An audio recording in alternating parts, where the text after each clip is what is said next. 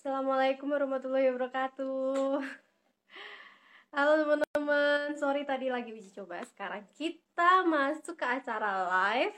Eh, kita akan satu jam ke depan menemani kalian di malam minggu ini eh, bersama aku Rena. Eh, nanti kami itu akan melakukan diskusi dua arah. Jadi kami berdua adalah sama-sama narasumber karena kami adalah orang yang mengalami langsung gitu ya.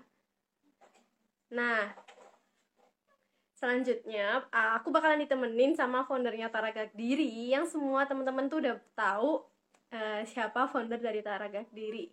Nah, sambil uh, orangnya muncul, uh, kita tunggu dulu um, buat teman-teman pastiin uh, kalau misalnya kalian ketinggalan nanti siaran langsung, nah kalian uh, bisa nonton siaran ulangnya di uh, fix Instagram yang udah tersedia gitu. Oke, okay. apa udah bisa gabung belum ya? Uh, tadi sih aku udah kirim undangan sih ke Kak, Kak Arta. Udah masuk belum? Atau coba deh Kak Arta kirim uh, apa namanya? Ininya undangannya bisa nggak?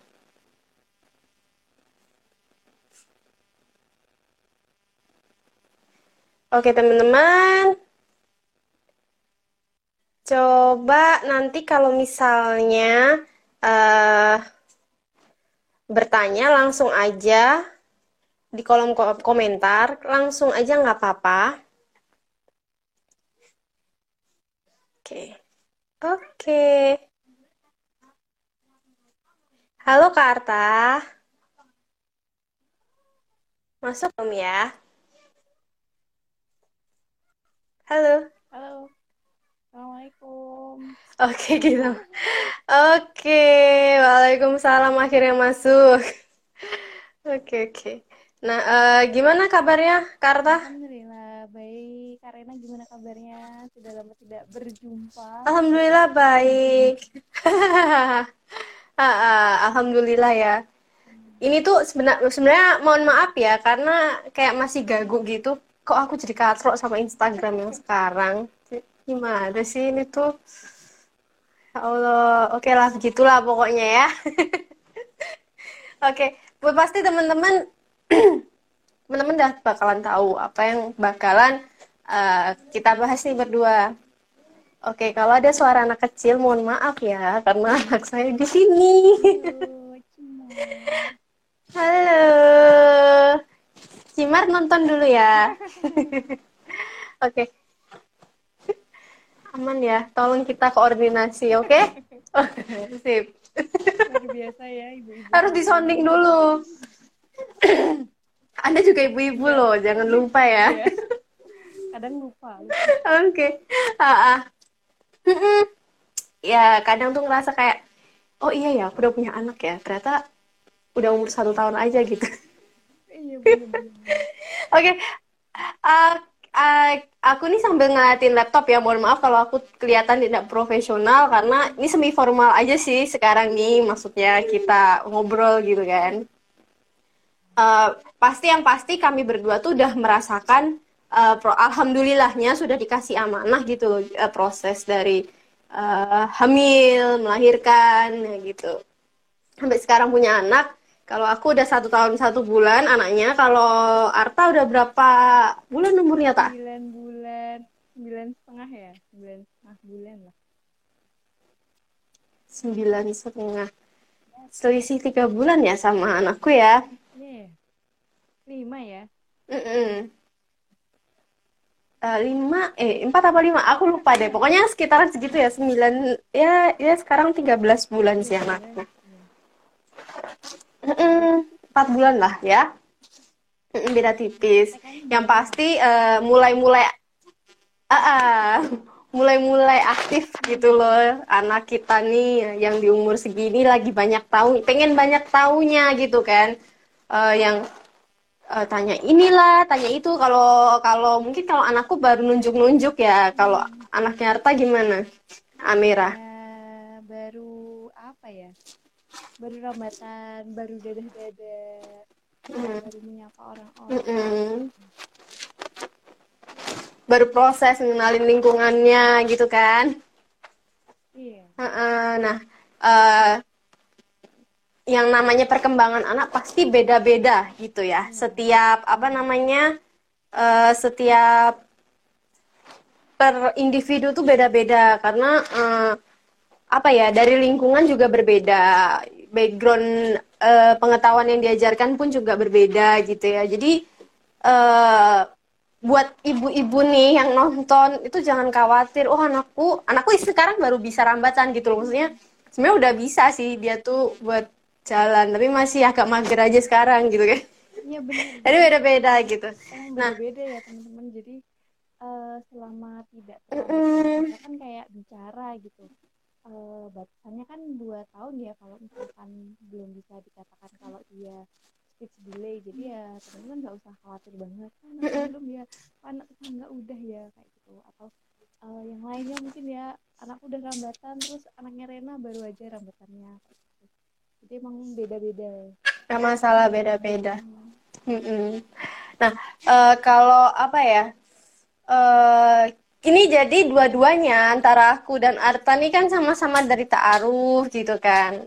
Nah, kalau aku sih tanya dulu dari Arta dulu gimana sih eh, dari eh, masuk nikah gitu ya. Hmm. Masuk nikah, terus eh, tahu kalau hamil tuh gimana gitu. Hmm, jadi eh, ceritanya kan ini ngobrol santai ya hari ini diskusi santai ngobrol santai Mm-mm. Kita sharing ya teman-teman ya kita bakal bahas terkait sama pasca melahirkan gitu. Nah kebetulan di sini kita tuh sama-sama sama-sama anak mahasiswa ya sama-sama magister profesi psikologi.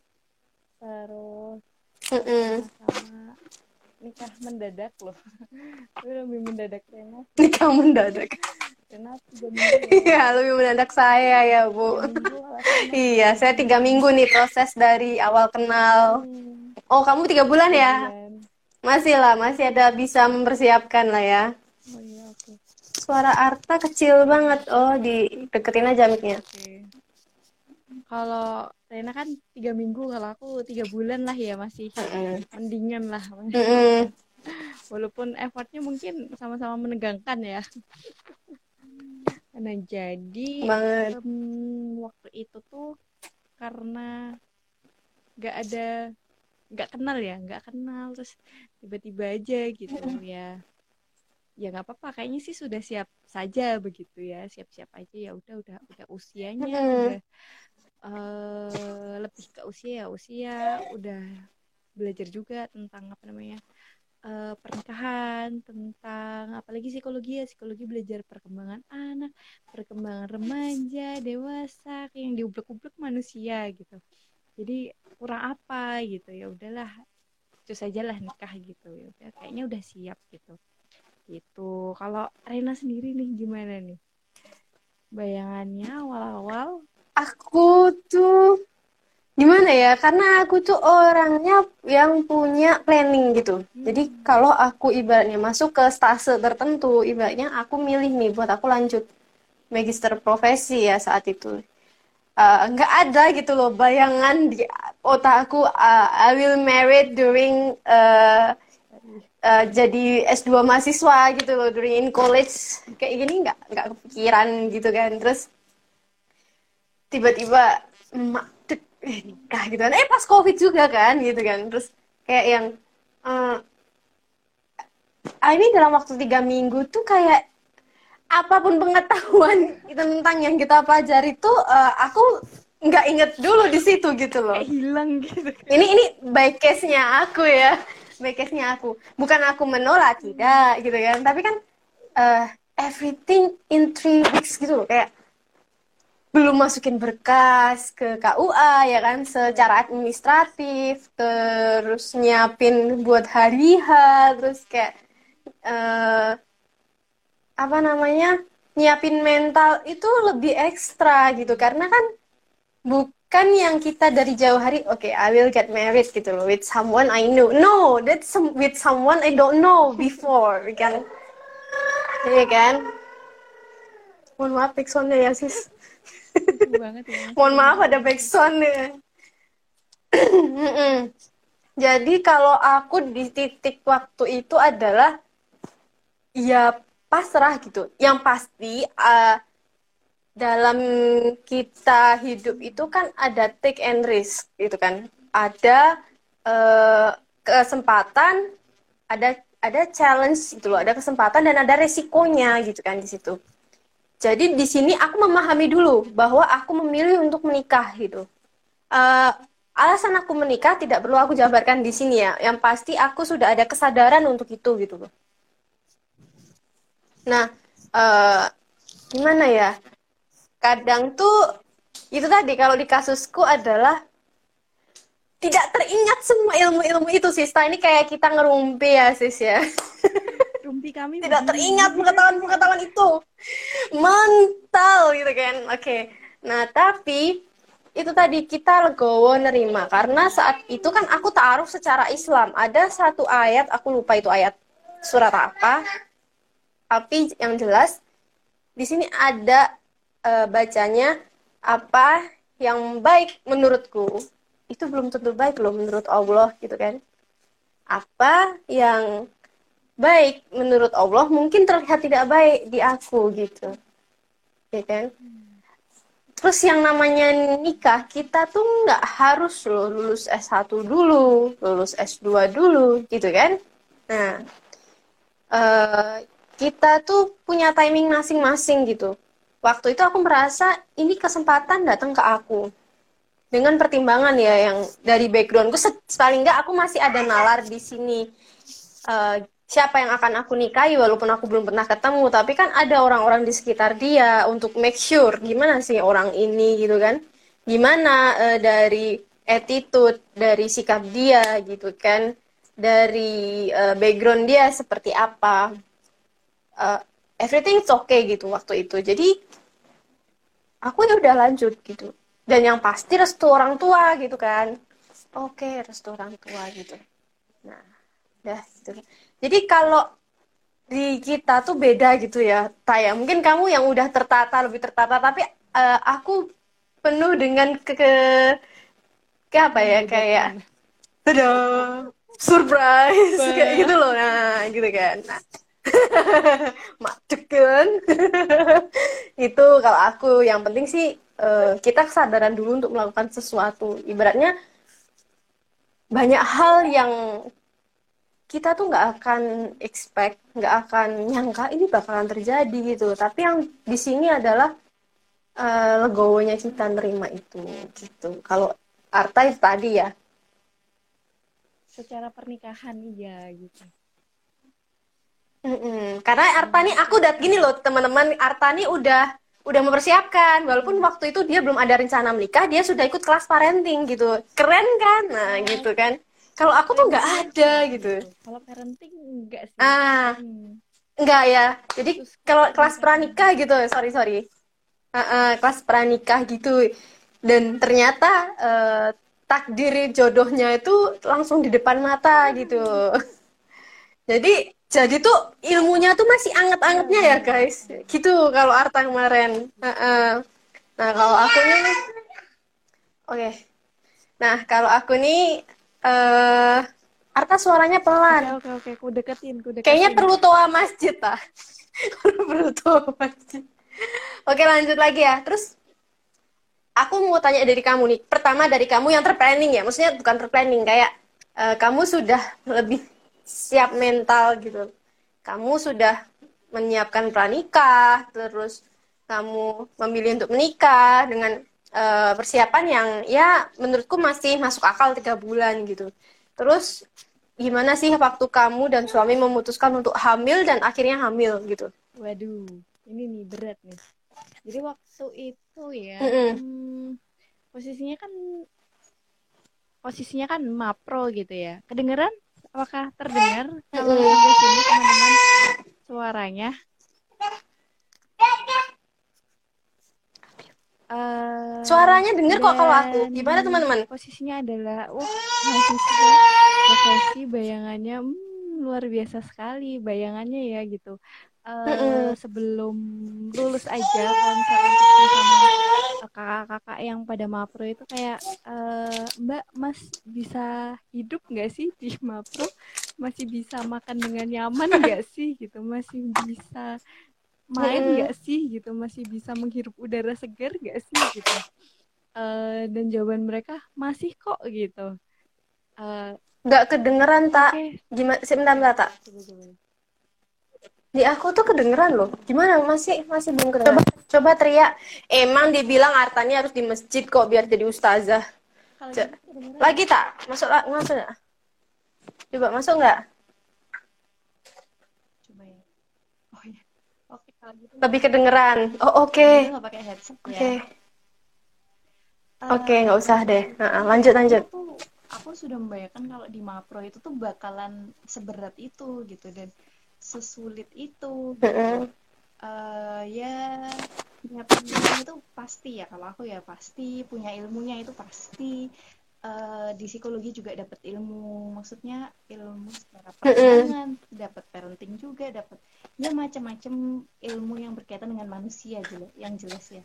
Tapi tidak terbayang ketika ketika kesulitan itu tuh terus uh, aku bakal hamil dulu gitu. Jadi uh, gimana ya ngomongnya? Kayak nanti dulu deh gitu. Nanti kalau udah selesai mapro aja deh gitu kalau udah selesai mapro aja deh gitu. Baru baru merencanakan buat punya baby gitu. Tapi ketika waktu itu ya ketika sudah selesai menikah dan kan kebetulan tuh aku punya keluarga ya yang uh, aku pengen banget nih omku nih jadi waliku. Saking aku mau tahu kalau beliau tuh punya ilmu dan istrinya bunda itu juga begitu gitu. Jadinya kayak apa yang mereka sampaikan tuh pasti ku dengerin dan kalau bisa ku aplikasikan gitu. Nah kebetulan si bunda itu tuh bilang kalau uh, Arta kalau sudah nikah itu harus sudah siap juga ya buat punya anak gitu. Terus langsung langsung oke. Okay. um, gitu lah um, kayak gitu. Ya udahlah dijalanin aja lah gitu. Terus uh, akhirnya juga setelah ngobrol lebih jauh ternyata ya itu kan itu ya rezeki ya gitu kata suami. Ya udah ya udah akhirnya uh, setelah berapa ya kayaknya empat bulan atau lima bulan ya baru dapat dikasih rezeki kayak gitu dikasih rezeki anak. Tapi memang awalnya sih aku tidak membayangkan kalau aku akan punya anak dulu ya tapi setelah diselesaikan dulu mapronya gitu. Nah kalau kamu gimana Ren? Kebayang kamu sama berarti malam sama sister. Jadi begini aku dulu tuh juga berpikirnya sama ya kayak yang ntar dulu lah ya ya udahlah nggak apa-apa kalau mau nikah dulu nggak apa-apa. Kalang kabut gitu. Uh, tapi entar dulu gitu kan kayak entar dulu dong aku aku mengekspektasikan aku tuh selesai fokus dulu gitu loh di Mapro gitu kan sebelumnya sebelumnya gitu. Terus aku tuh nikah kan Juli 2020 nah terus waktu itu aku tuh sampai tiga kali ditegur lah intinya sama uh, ada lah Pak Kiai gitu kan. Sampai ketiga kalinya tuh uh, apa namanya uh, aku masih apa menunda gitu kan. Terus ya aku ditegur gitu. Uh, Rena yang namanya hamil itu nggak bisa yang kamu harus nunggu S1, S2, S3 gitu ya. Nggak ada dari zamannya Nabi gitu loh. Ya. Terus uh, salah satu ibadahnya kalau bisa mengusahakan punya uh, keturunan. Ini no offense buat yang uh, mau childless ya, maksudnya yang ya kan kita beda-beda value-nya. Ada yang pengen punya anak ada yang nggak pengen punya anak ada yang pengen nunda. It's okay it's your opinion it's your prinsip. Tapi di sini case-nya kita gitu loh yang kita omongin kan. Jadi Uh, uh, jadi di sini kita mengatakan gimana sesuai pengalaman kita gitu. Nah di aku seperti itu kan. Terus aku mikir nih, iya ya, iya juga sih dari zaman dulu tuh nggak ada gitu loh syarat untuk kita hamil tuh nggak ada. terus aku mikir nanti kalau aku nunda-nunda terus giliran aku pengen punya anak nggak dikasih gimana ya gitu kan. Susah juga gitu kan. Uh, ya udah deh uh, apa samina wa atau na gitu kan. Kita berserah diri kan intinya di situ nah sesuai kepercayaan masing-masing ya di sini ya. Kalau aku di Islam kan gitu. Ya udahlah. Uh, gimana pun alurnya uh, waktu itu diniatkan ya. Memang kalau begitu ya sudah ya Allah uh, saya niatkan untuk punya keturunan dan saya serah pasrahkan uh, bagaimana jalan hidup saya kepadamu gitu. Jadi intinya percaya aja gitu. Alhamdulillahnya aku lahiran itu posisi uh, sudah selesai mata kuliah blog dan uh, nunggu magangnya apa anak Tio ya magangnya di perusahaan gitu. Alhamdulillah tuh ada masa itu gitu. Jadi aku tahu seingat aku sebulan setelah melahirkan itu baru mulai pelatihan pramagang gitu. Jadi ibaratnya uh, Allah tuh bakalan ngatur kok namanya anak itu kan rezeki. Nggak mungkin dong Allah itu ngasih rezeki di uh, yang nggak di timing yang nggak nggak masuk akal gitu. Pasti tuh udah ada timingnya. Nah kita nih belajar menerima gitu. Bahkan sampai sekarang pun aku belajar untuk menerima keadaan yang ada gitu sih. Gitu. Kalau Arta kayak gitu tadi ya. Dan posisinya waktu itu um, pas apa sih namanya pas melahirkan itu pas aku PKPP jadi tengah-tengah uh, praktek kerja kayak koasnya gitulah ya. Jadi di tengah-tengah. Udah selesai sih sebenarnya udah jadwal yang penarikan kayak gitu. Nah habis penarikan terus aku lahiran habis itu ujian lagi. Cuti dan dibolehin. Tadinya sih harus lanjut gitu. Tapi wow kayak kayak gitu maksudnya gini loh menariknya itu ketika iya. ketika aku kan waduh nanti gimana nih aku lahiran pas PKPP pas gimana aku harus lahiran di mana dan lain sebagainya itu mm-hmm. akhirnya jadi kita kalau misalkan apa namanya praktek ya kalau anak-anak klinis biasanya bisa menarik klien yang setipe dengan kita. Nah, klien-klien itu banyak yang cemas, depresi. Nah, model-modelan kayak gitulah. Iya, ini loh cemas dan depresi. Yang namanya udah depresi itu sebenarnya udah mix sama kecemasan gitu, udah campur sama kecemasan gitu kan. Nah, inilah yang kita tuh lebih paham di sini gitu. Gimana sih feelnya dengan tekanan yang berat loh, jujur uh, mungkin buat temen-temen yang mau lanjut S2 yang lihat ya bisalah dipikir gitu gimana dipertimbangkan gimana kalau sudah menikah untuk lanjut S2 apakah memang mau sambil uh, program anak apa gimana gitu kan? Atau memang mau lanjut S2 setelah anak itu uh, ini, kayak misalnya bisalah dititipin gitu misalnya gitu. Karena harus penuh pertimbangan loh. Uh, karena kita sudah mengalami itu jadi ketemu pasien-pasien kayak gitu tuh kayak yang ya kita udah cocok aja sih. Sih. Kayak ya udahlah kita aja yang ngerasain. Itulah mungkin uh, buat temen-temen nanti yang mau lanjut ya anak S1 ke S2 dipikir dulu nih kalau cewek gitu. Harus matang-matang. Harus uh, ibaratnya kan kayak aku nih aku sudah apa ya punya rencana gitu loh.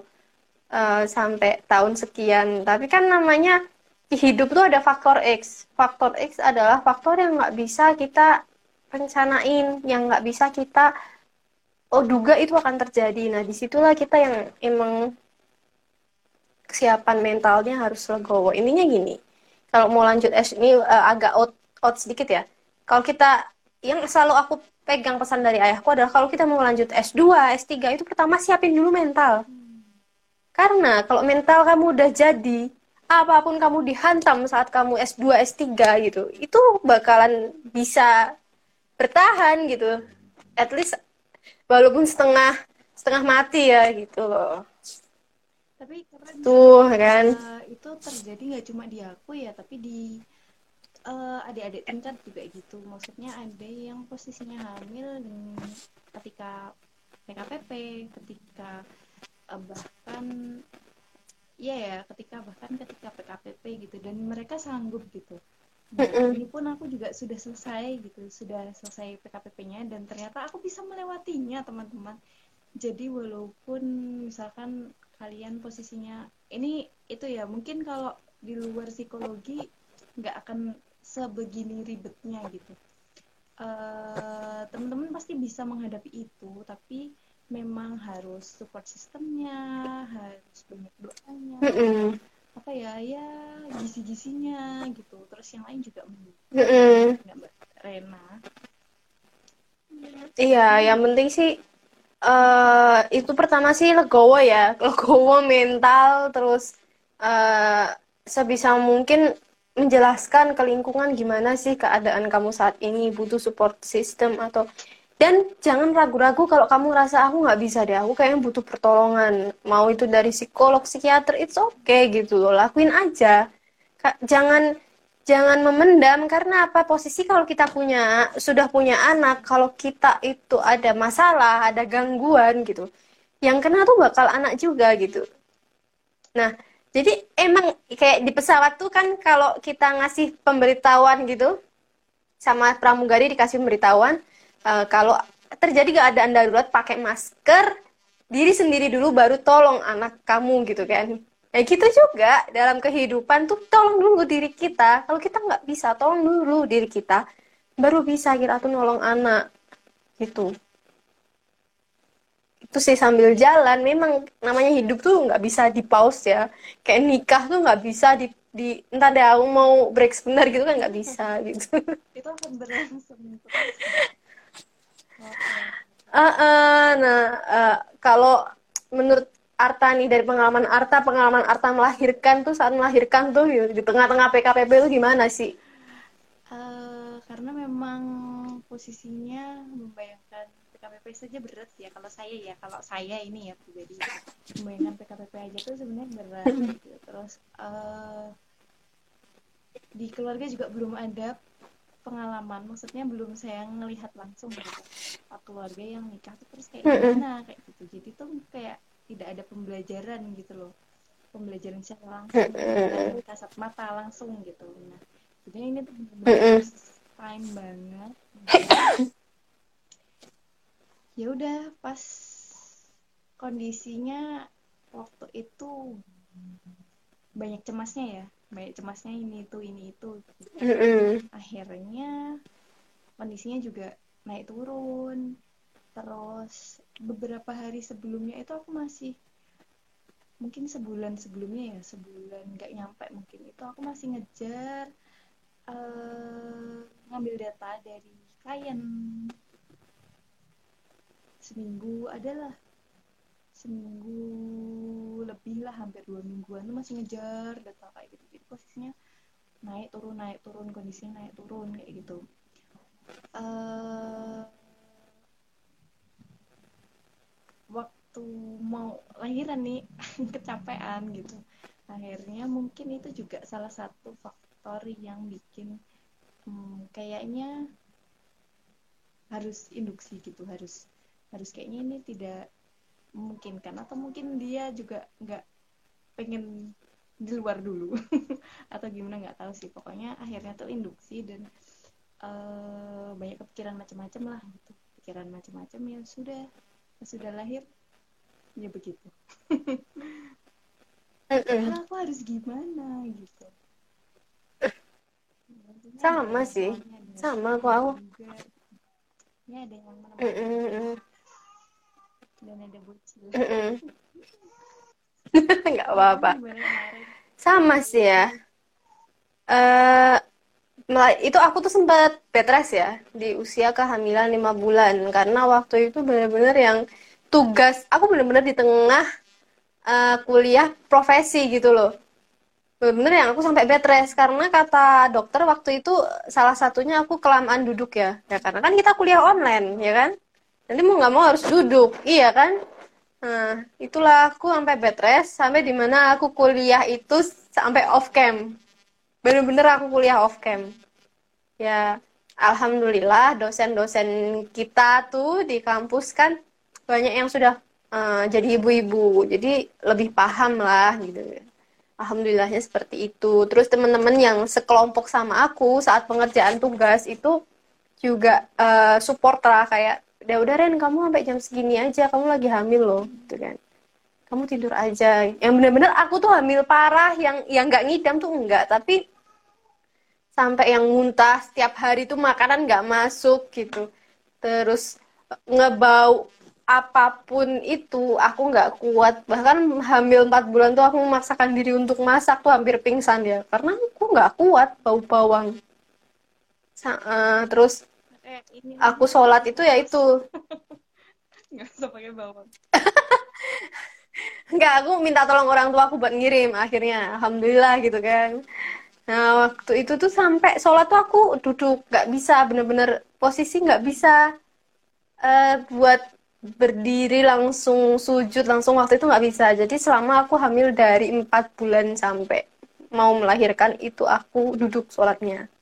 Gitu karena pernah sekali aku memaksakan diri um, hamil lima bulan itu sholat bener-bener tangan ya gitulah gerakan kayak gitu berdiri. Itu waktu aku sujud itu hampir aku nggak bisa balik gitu loh. Uh, uh, itu itu nggak salah sholat subuh. Iya itu aku sholat subuh waktunya. Nah terus aku melahirkan itu aku pecah ketuban dulu tapi belum pembukaan waktu itu jadi jadi walaupun lahiran normal aku ada jahitan gitu gitu waktu itu nah Terus aku butuh pulih bisa jalan lagi seperti biasa ya satu bulan lah. Karena waktu itu ada 20 lah, mendekati 20 jahitan lah. 20 lah ada lah gitu. Tuh.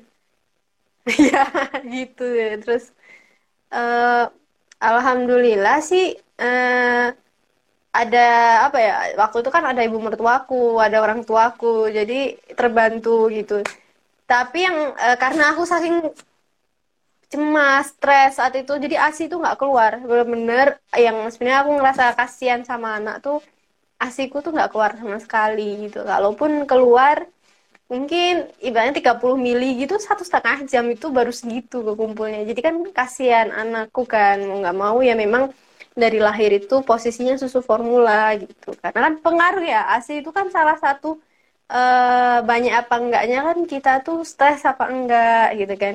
Asupannya seperti apa? Asupannya sudah udah bagus gitu dari dibantu orang tuaku juga gitu kan.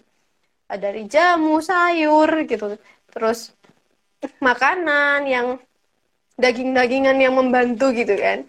Terus pakai pompa elektrik pompa manual ya sama aja. Waktu itu nggak keluar karena posisinya stres itu tadi gitu. Tapi alhamdulillah anakku uh, anak itu bisa memahami orang tuanya kok walaupun dia masih bayi gitu. Jadi bisa memahami ibunya alhamdulillah dia nggak rewel.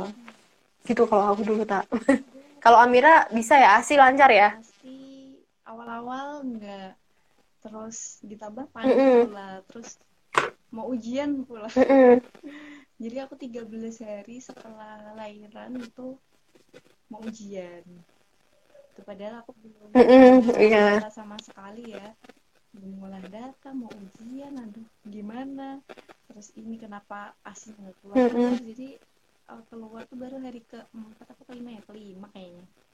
Itu terus ya baru sedikit banget. Terus dibantu pakai susu almond pakai katu gitu ya pakai mm -hmm. daun katu itu ekstrak daun katuk itu uh, aku cenderung pusing gitu nah ternyata setelah aku cerita gitu sama ayahku kok aku sering pusing ya gitu terus ayahku bilang oh mamamu dulu juga gitu kalau makan daun katu gitu oh terus ya kadang diminum kadang enggak gitu. sama ayahku terus mm. di lebih diarahkan ke susu almond ya susu almond itu padahal mm, nggak kuat pencernaannya sama kacang-kacangan ya padahal si almond tuh okay. kacang jadi akhirnya kayak ya untungnya sih nggak kebanteran gitu sampai diare gitu biasanya aku kalau misalkan kacang-kacangan kayak mam sate, batagor, siomay gitu-gitu bisa nyampe diare ya. Jagung kayak gitu. Mm-mm. Ini enggak sampai diare sih tapi ya tetap nggak nyaman kan sebenarnya di perut kayak gitu. Jadi akunya juga agak tersiksa gitu. Akhirnya lama-lama uh, banyak terus ya bisa. Tapi ketika misalnya aku mau ujian mau ada kondisi tertentu itu udah panik lagi kan udah mulai cemas lagi tuh. Udah sedikit lagi asinya gitu ya. Ya mau gimana gitu Nggak posisinya gitu kan. Nggak nggak hanya kita teman-teman yang di posisi kita yang saat ini ya di Mapro ya merasakan yang sama. Benar-benar merasakan yang sama. Mm-mm. Nah kalau kamu sendiri nih setelah melahirkan gitu pengalaman setelah melahirkan tuh gimana kemarin? Bahkan sampai sekarang gitu ya. Kalau kemarin kan setelah melahirkan tuh memang uh, asinya belum keluar belum keluar gitu. Terus Mm-mm. itu terus uh, dari keluar dari rumah sakit itu sudah tinggal sendiri gitu. maksudnya aku suami sama anak aja gitu. Kadang orang tua datang mertua datang Mm-mm. tapi uh, sehari-hari memang cuma kita bertiga. Sedangkan suamiku kan kerja ya sampai sore gitu. Jadi berdua sama Amira. Semuanya semuanya harus sama Amira kayak gitu. Dan nggak cuma itu ya berarti kan harus Mm-mm. sama rumah juga gitu akhirnya capek tegang ya ototnya ototnya sering sakit kepala Mm-mm. karena harus banyak asupannya jadi ya asinya memang jadi lebih banyak tapi jadi diare jadi kayak gitulah jadi Iya. ada penyakit ya. kayak gitu terus ya ketika ada stresor itu lebih mudah sensitif ya. Kayak orang ngomongin apa Mm-mm. gitu kayak ya Allah aku tuh udah usaha gitu. Ya Allah aku tuh udah udah kayak gini kayak gitu masih kurang apa lagi kayak gitu. Aku sudah berusaha untuk tidak stres misalkan gitu. Tapi memang ini kondisinya tuh sangat berat gitu. Aku menyadari ini kondisinya sangat berat dan tidak bisa dihindari tapi harus dihadapi gitu. Dan itu terjadi sampai Mm-mm. ya sampai sekarang.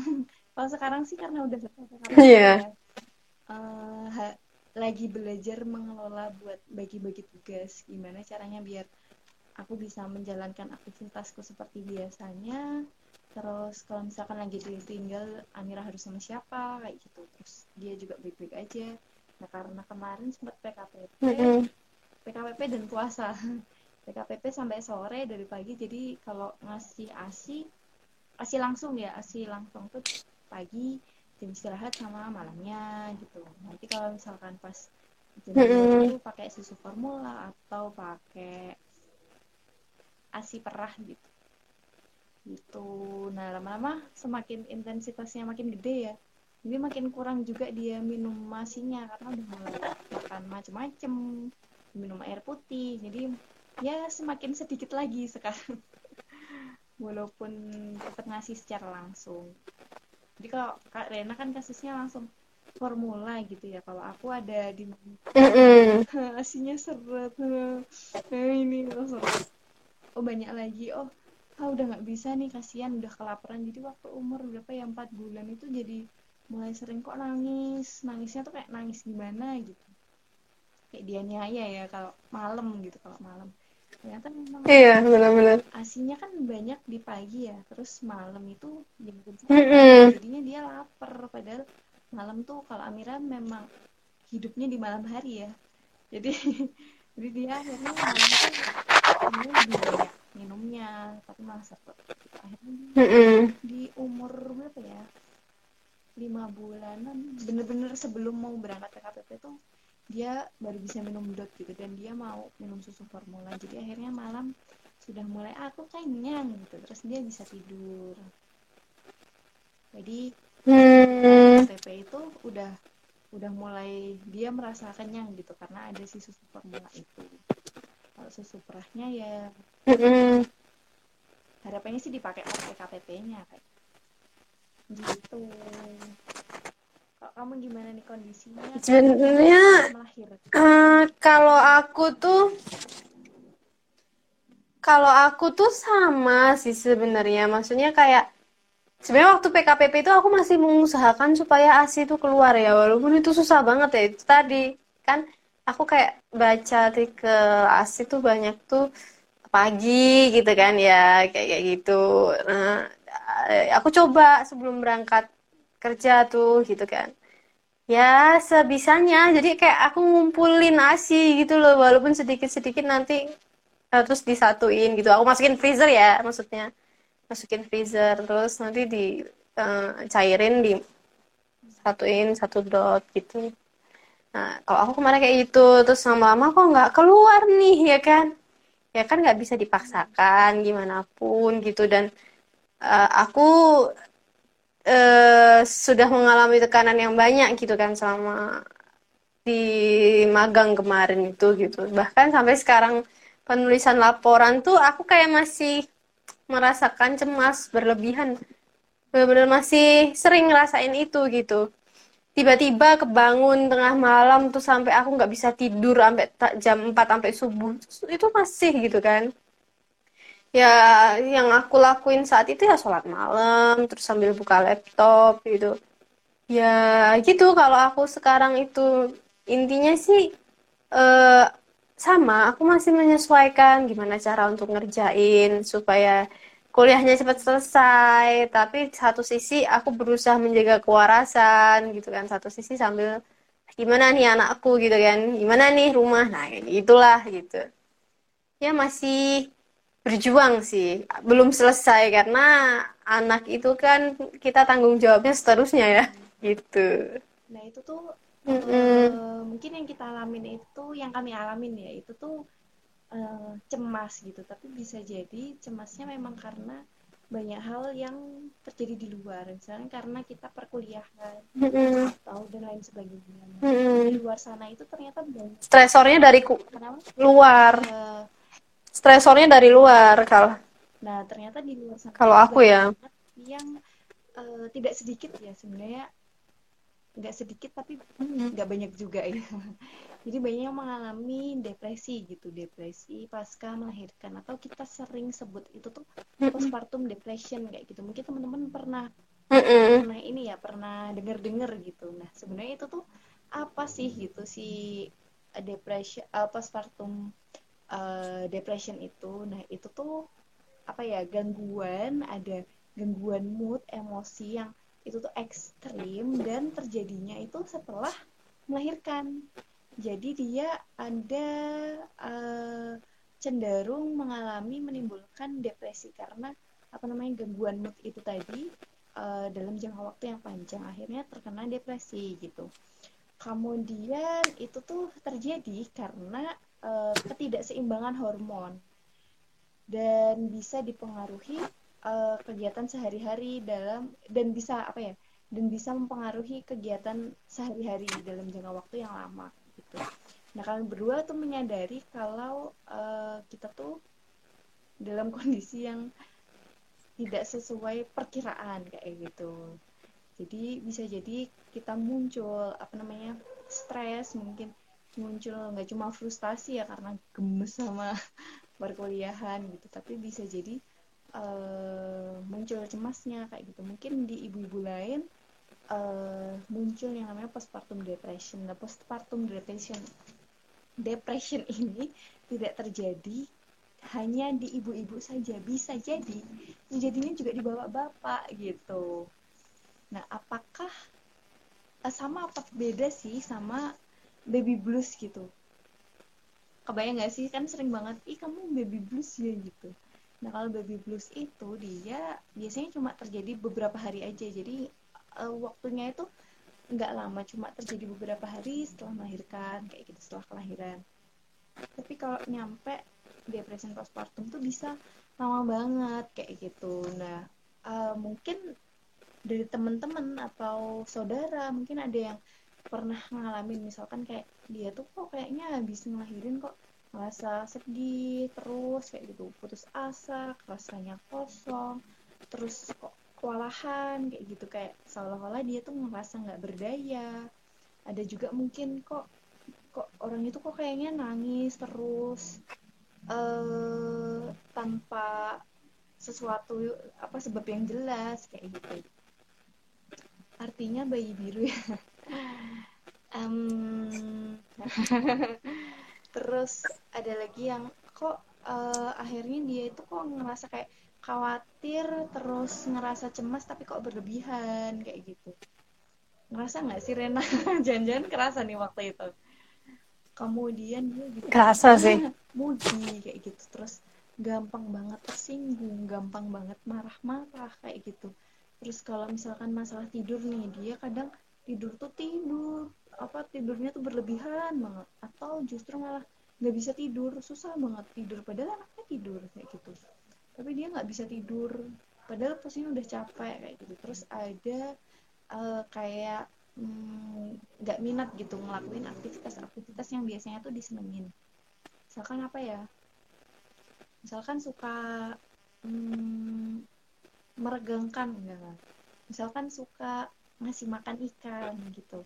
Yang suka bercocok tanam terus jadi kayak oh, aku nggak minat sama sekali buat ngeliat ikan aja aku sekarang males gitu. Kayak aktivitas-aktivitas ya ini aktivitas gitu. itu juga berlaku ke hal-hal yang misalkan disukai jadi nggak berminat kayak gitu. Misalkan uh, suka Indomie nah, jangan-jangan misalkan suka suka makan-makan kayak coklat gitu. Tapi dia tuh jadi kayak makan aja tuh kayak nggak mau kayak gitu. Terus muncul eh, gejala-gejala fisik gitu. Uh, misalkan sakit kepala kayak gitu. Terus ada masalah pencernaan ada nyeri otot. Nah kalau ini aku banget ya. Ini sebelum sebelum melahirkan juga ngerasanya gini. Sering banget uh, sakit kepala. Biasanya dia enggak tapi kok jadi sering banget sih kayak gitu. Terus misalnya ada masalah pencernaan sampai diare kayak gitu. Atau uh, nyeri otot karena terlalu banyak yang harus dilakukan gitu sampai tegang. Kemudian makan masalah makan. Kadang makannya sedikit uh, bukan sedikit enggak mau makan malah. Atau malah makanya jadi banyak banget makan. Terus akhirnya kan banyak ya ibu-ibu yang terus melarnya over banget.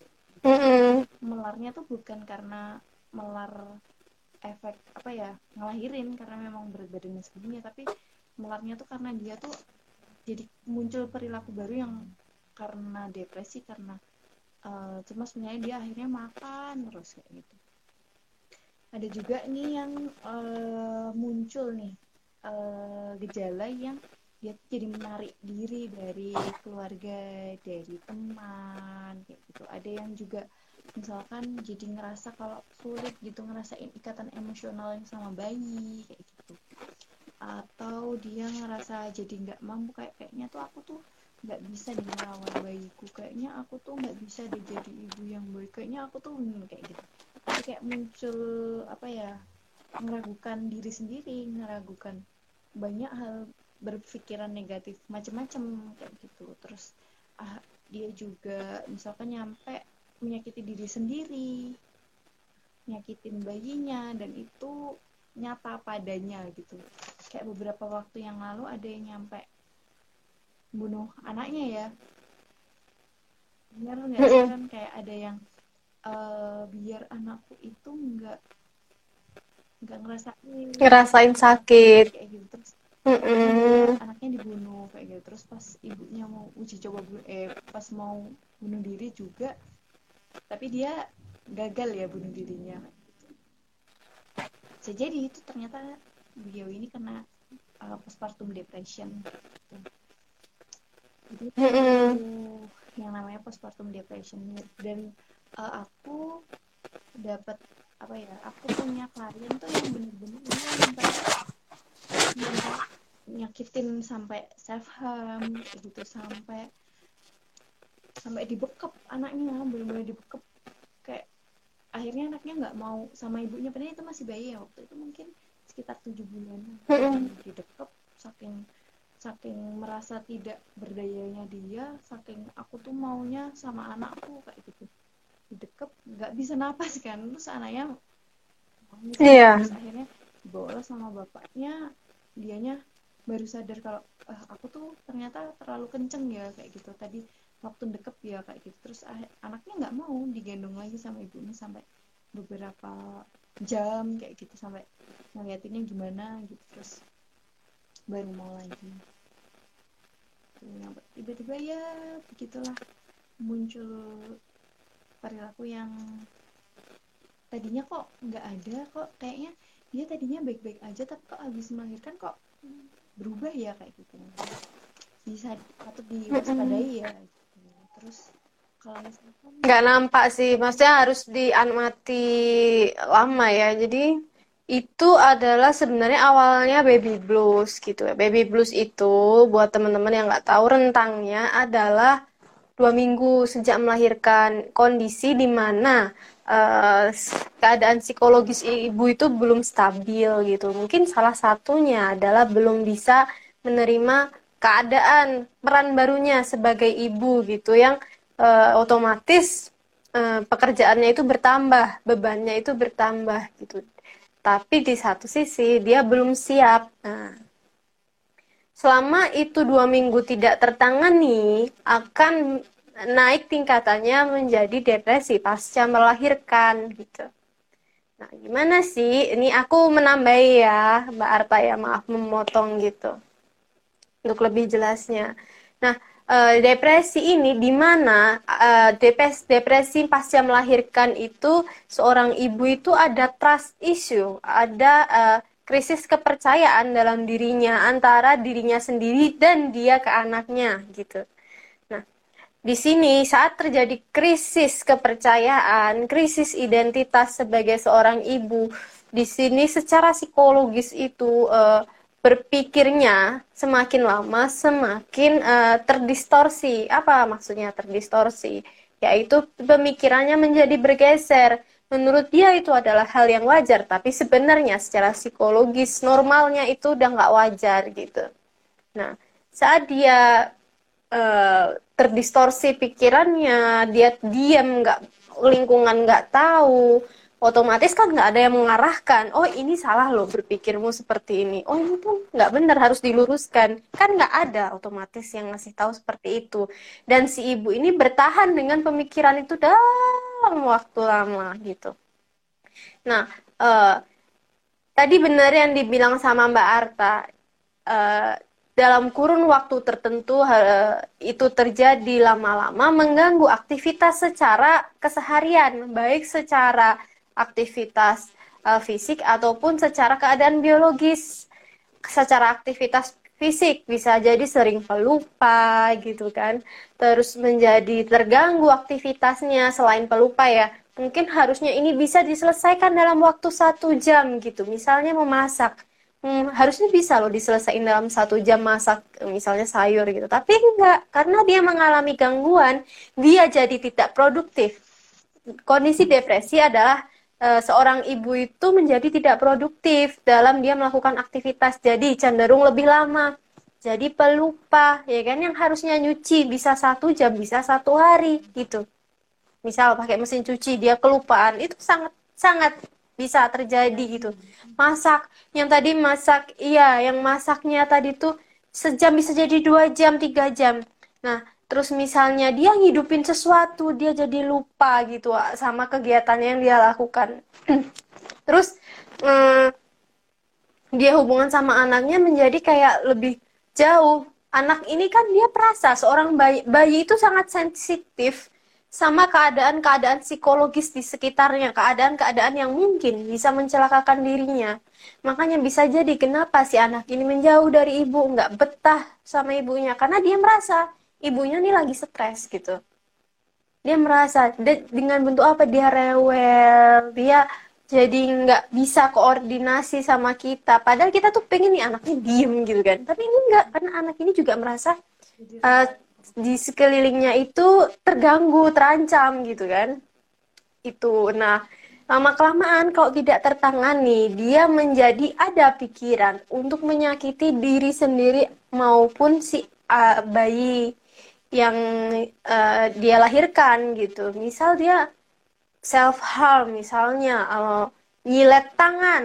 Nih, ini salah satu bentuk ya. Ini memang mungkin agak ngeri tapi uh, nyilet pergelangan tangan atau uh, mukulin kepalanya gitu kan. tapi sebelum masuk ke sini uh, dia mulai di fisik dulu nih awalnya gitu awalnya fisiknya sakit ya kan kepalanya sakit terus dia jadi mudah cemas gitu jadi mudah grogi gitu terus uh, mungkin apa namanya dari secara nafsu makan bisa hilang nafsu makan atau bisa jadi tambah nafsu makan seperti yang dibilang sama Arta tadi gitu. Nah, udah nih dari secara aktivitas fisik terganggu, secara fisik terganggu, cara pikir pun terganggu kan ngaruh kan?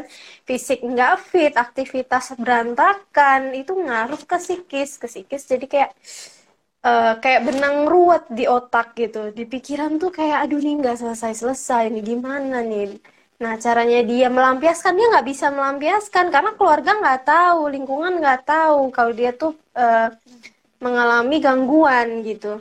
Nah dia menyakiti diri sendiri sebagai pelampiasannya karena dia tidak bisa mengungkapkan gitu caranya nyakitin badannya sendiri mukul-mukul atau dia minum obat penenang dan seperti itu Nah, uh, yang bahaya bahaya lagi saat si ibu ini tidak bisa cakap dengan dirinya, tidak bisa menghandle dirinya sendiri, otomatis anaknya akan kena gitu.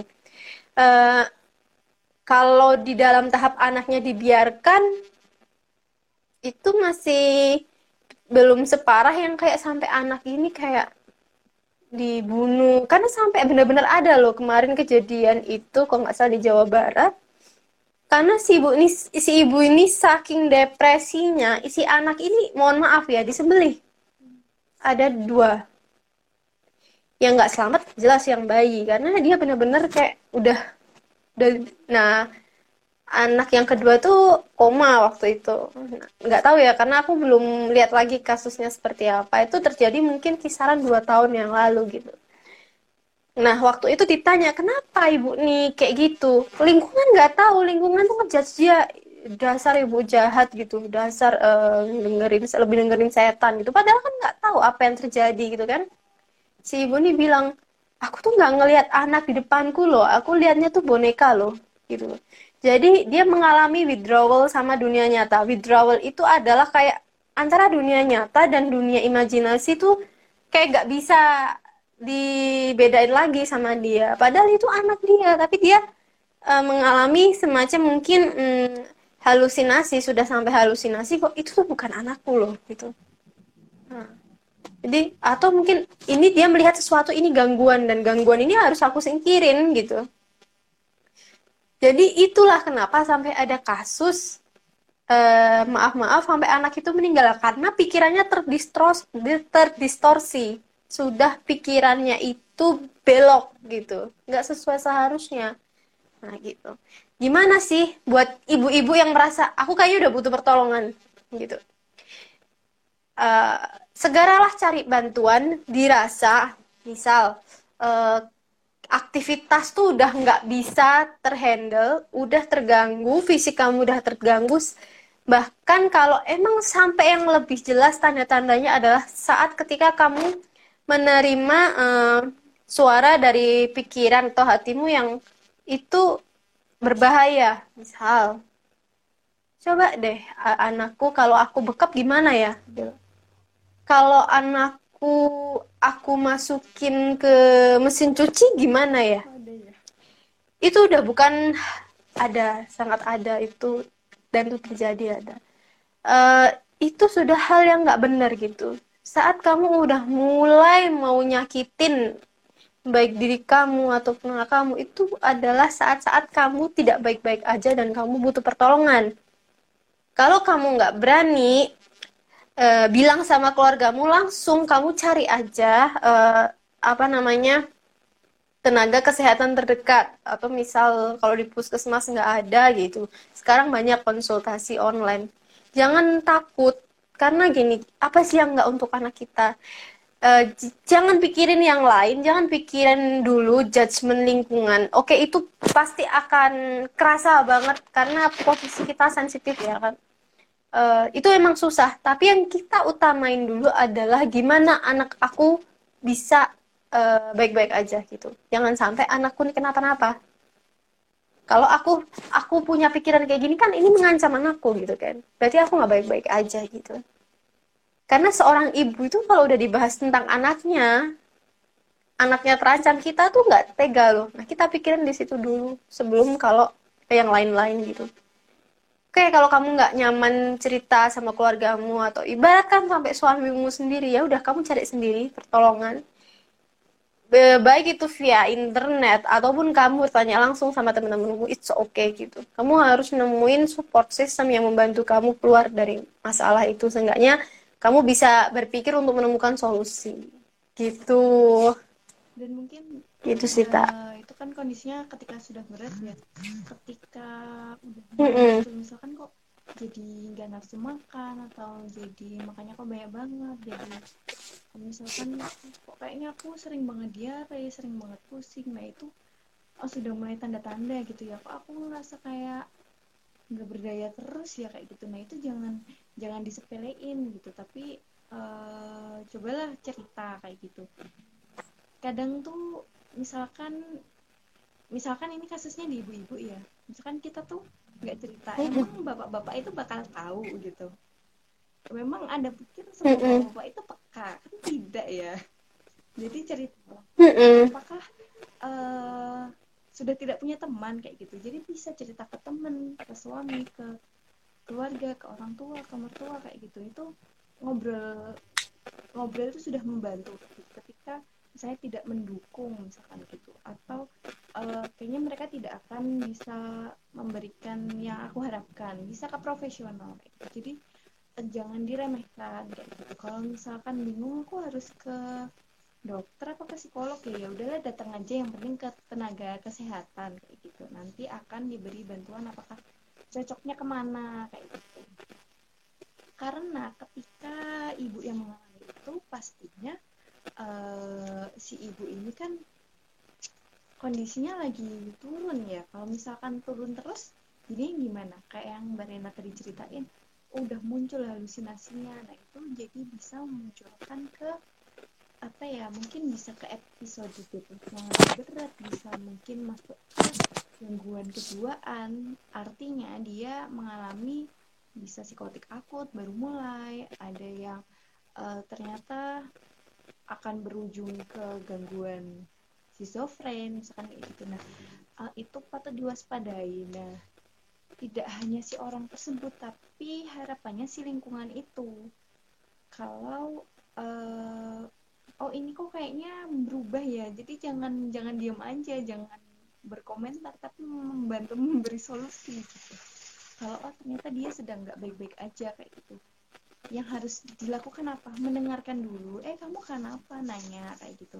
Kamu nggak lagi kerasa apa sih? Kayak gitu sekarang kayak gitu. Sekarang kamu punya unek-unek apa sih? Kayak gitu. Nah ceritalah kayak gitu. Terus dimotivasi kalau udah tahu oh ternyata si orang ini tuh kayak gitu. Dimotivasi biar dapat bantuan tenaga profesional kayak gitu. Terus dikasih dukungan emosi dengerin uh, berusaha buat empati nggak sih? Kalau misalkan cuma didengerin aja kadang ada yang nggak puas ya kalau cuma didengerin aja. Tapi oh gitu ya misalnya gitu. Itu juga membantu ya kayak oh aku tuh beneran didengerin gitu. Oh terus kamu pengennya apa? Misalkan kayak gitu. Kamu yang dirasain apa? Pengennya apa? Kayak gitu. Membantu secara dukungan emosional terus misalkan lagi gabut nih gabut kayak gitu. Misalkan lagi gabut terus ada ibu atau orang yang mengalami si postpartum ini tugasnya ngapain sih? Maksudnya si orang gabut ini ngapain sih? Bisa bantuin aktivitas rumah tangga. Kan mereka aktivitasnya nggak cuma ngapa nggak ngapa-ngapain ya si ibu si ibu atau keluarga yang mengalami postpartum ini. Tapi oh, dibantulah urusan rumah tangganya. Oh ini belum dijemur dibantuin jemurin misalnya gitu. Oh kayaknya rumahnya udah berdebu dibantuin nyapu kayak gitu. Atau bisa juga ya sudah gantian. Ah sini sini bayinya sama aku dulu. Kamu ngapa-ngapain kayak gitu. Jadi dibuat me time. Aku tuh dapet uh, pesan nih. Kalau misalkan kita sehari-hari itu nggak cuma orang yang mengalami postpartum tapi orang normal pun harus tahu tiga hal ini. Yaitu jaga pola apa namanya pola tidur pola gerak sama pola makan. Pola tidurnya diatur. Harusnya kita tidur itu berapa jam sih? Minimal sehari. Berapa coba? Nah 8 jam ya? 8 jam lah. nah kalau misalkan rata-rata manusia hidup itu membutuhkan istirahat selama 8 jam. Berarti kalau misalkan dia aktivitas sehari-harinya biasanya 8 jam untuk tidur tapi dia jadi misalkan jadi cuma tidur 3 jam atau malah jadi tidur kok 15 jam udah beberapa hari ini dia kayak gitu terus kayak gitu. Nah itu patut diwaspadai. Artinya harus mengubah pola tersebut agar apa? Agar tidak ke arah-arah yang lain ke arah gangguan fisik ke arah gangguan psikis kayak gitu. Kemudian si pola gerak. Pola gerak itu apa? Kalau misalkan kita kayak Rena karena akhirnya harus bed rest. Padahal harusnya ada aktivitas karena duduk terus masuk di blok kayak gitu. Jadi nggak bisa ke mana-mana. Artinya harus melakukan aktivitas pola gerak itu. Ngapain? Misalkan jalan. Oh udah dua jam gitu. Terus berdiri jalan-jalan uh, goyangin pinggang kayak gitu misalkan. Atau kalau pas weekend sambil renang kayak gitu. Tapi waktu itu kita nggak bisa sih. Aku dulu aja kuliah ya hari Minggu. Nggak bisa. Hari Sabtu minggu kuliah. Uh -uh, sama. pola geraknya gitu. Terus si uh kita pola makan. Si pola makan ini walaupun kita dalam kondisi apa pun sesulit apa pun uh, sebikin stresor macam apa pun bikin frustasi bikin cemas dan lain sebagainya kita tetap berusaha buat mengatur si pola makan ini. Setidaknya kita bisa mengurangi masalah fisik, masalah psikis kayak gitu. Setidaknya gitu. Kayak misalkan uh, orang yang biasanya mengalami depresi kan uh, mengurung diri ya, mengurung diri di dalam kamar terus nggak mau ke mana-mana, terus perdennya nggak dibuka-buka, nggak mau mandi, misalnya kayak gitu. Nah, artinya kita harus itu gitu. Artinya kita harus mau untuk keluar dari kamar, berusaha berinteraksi, kita coba makan di luar, makan di rumah, uh, rumah makan, meja makan misalnya kayak gitu kordennya dibuka kita harus mandi mau kayak gimana pun kayak gitu. Nah itu berusaha buat apa ya menghindari masalah kondisi yang bakal bikin gangguan psikologi kayak gitu. Jangan sampai jangan sampai ya harapan kita nggak nggak nggak mengalami itu kayak gitu. Dengan cara ya kita harus berusaha buat menentang itu gitu. Loh gitu. Kalau Mbak Rena nih gimana buat mungkin ada tips buat orang-orang di luar sana yang mengalami postpartum. Oke, okay. ini karena waktu sudah habis ya sebenarnya. Jadi uh, sekalian aja maksudnya pesan ya. Kita langsung masuk ke pesan nih gitu. Buat teman-teman, sesuai yang aku bilang tadi gitu ya. Uh, saat kalau memang dirasa capek, lelah gitu, terus uh, merasa sudah nggak produktif salah satunya. Bilang bilang sama orang yang mungkin dirasa nyaman. Kalau misal memang sama suami memang ya kalau sama suami harusnya kan lebih terbuka. Ya cerita sama suami. Tapi kalau mungkin ada beberapa ibu rumah tangga yang kurang beruntung keadaan rumah tangganya lagi nggak baik gitu mungkin bisa cerita ke keluarga mungkin ke kakak adik atau orang tua gitu ataupun semisal memang benar-benar nggak ada support system yang uh, bisa dipercaya gitu ya. Langsung cari uh, profesional terdekat gitu. Mungkin kita berpikir kayak aduh gimana nih uangnya? gitu ya. Otomatis kita ke profesional itu kan harus keluar uang gitu. Uh, gini. Kesehatan kita saat ini itu uh, lebih penting gitu. Uang itu bisa dicari lagi gitu. Insya Allah nanti ada caranya kan? Tapi yang namanya kita waras itu itu yang lebih penting saat kita tuh udah punya anak. Karena anak bagi anak kita dunianya mereka tuh kita gitu. Mereka tuh cuman punya kita. Kita mungkin bisa cari hiburan lain tapi kan mereka enggak gitu yang harus diselamatin diri kamu sendiri. Kamu baru bisa nyelamatin orang lain. Jadi buat kamu yang ngerasa emang bener-bener butuh bantuan jangan diem sih. Cari gitu. Karena yang bisa ngerubah diri sendiri itu kita. Gitu sih. Gimana kalau Arta?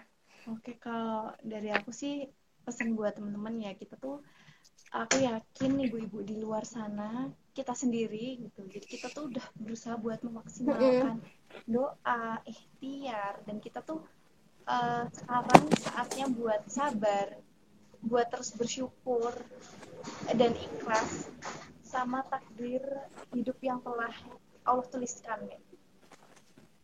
Itu teman-teman, aku yakin teman-teman sekalian sudah berusaha semaksimal mungkin dan ya sudah saatnya kita buat bersyukur, buat sabar, buat ikhlas menerima takdir tersebut.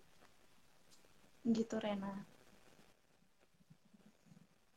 Ya, intinya sih sama ya kayak tadi tuh menerima uh, ikhlas, sadar dengan keputusan yang diambil gitu ya. Terus di saat kita tuh nggak baik-baik aja, memang sudah mengganggu, silahkan cari support system yang bisa membantu uh, diri kita gitu sih. Itu. Makasih banyak ya Taya kita uh, diskusi ya walaupun ya uh, sambil gibah sih sebenarnya ya. Itu, makasih ya. Tak ini anakmu udah tidur. Iya, udah tidur. oh, sama bapaknya ya. Alhamdulillah. Oke deh kalau begitu. Hah? Oh, belum. Lagi sama abahnya. Biarinlah dia mengganggu abahnya. Kan dari tadi saya yang diganggu. Makanya tadi aku lama nggak balas WA kamu karena aku mandi tapi mandiku adalah dengan di jaga satpam di depan pintu gitu lah aku jadi mandi tuh nggak bisa nutup pintu sister ya memang ya tapi ini cuma sebentar ya. Itu tuh itu cuma sebentar. Nanti tuh cuma berapa lama sih? Cuma paling ya setahun dua tahun. Terus habis itu anak kita udah gede aja gitu kan? Udah sekolah. Iya. Jadi sekarang pun sudah mikirin mau masuk sekolah mana nih anak aku nih gitu kan? Oke deh, gitu aja ya. Makasih banyak ya Taya. Mm-mm, buat teman-teman besok minggu depan kita akan balik dengan tema lagi yang berbeda dan narasumber yang berbeda lagi. Tetap stay tune ataupun kalian kalau butuh bantuan bisa kontak kami by DM ataupun by kontak person WA gitu ya. Di uh, teman-teman hmm? bisa kontak di bio kami kayak gitu. Mau apa? Mau outboard, mm -mm. mau sama, mau dan lain sebagainya kayak gitu. Butuh psikotes dan lain sebagainya tetap bisa ya kami terima gitu. Monggo monggo. Mm -mm. Mm -mm. tetap jaga kewarasan ya. Salam sehat ya. Apa sih ini? Oke terima kasih Arta kita tutup. Wassalamualaikum warahmatullahi wabarakatuh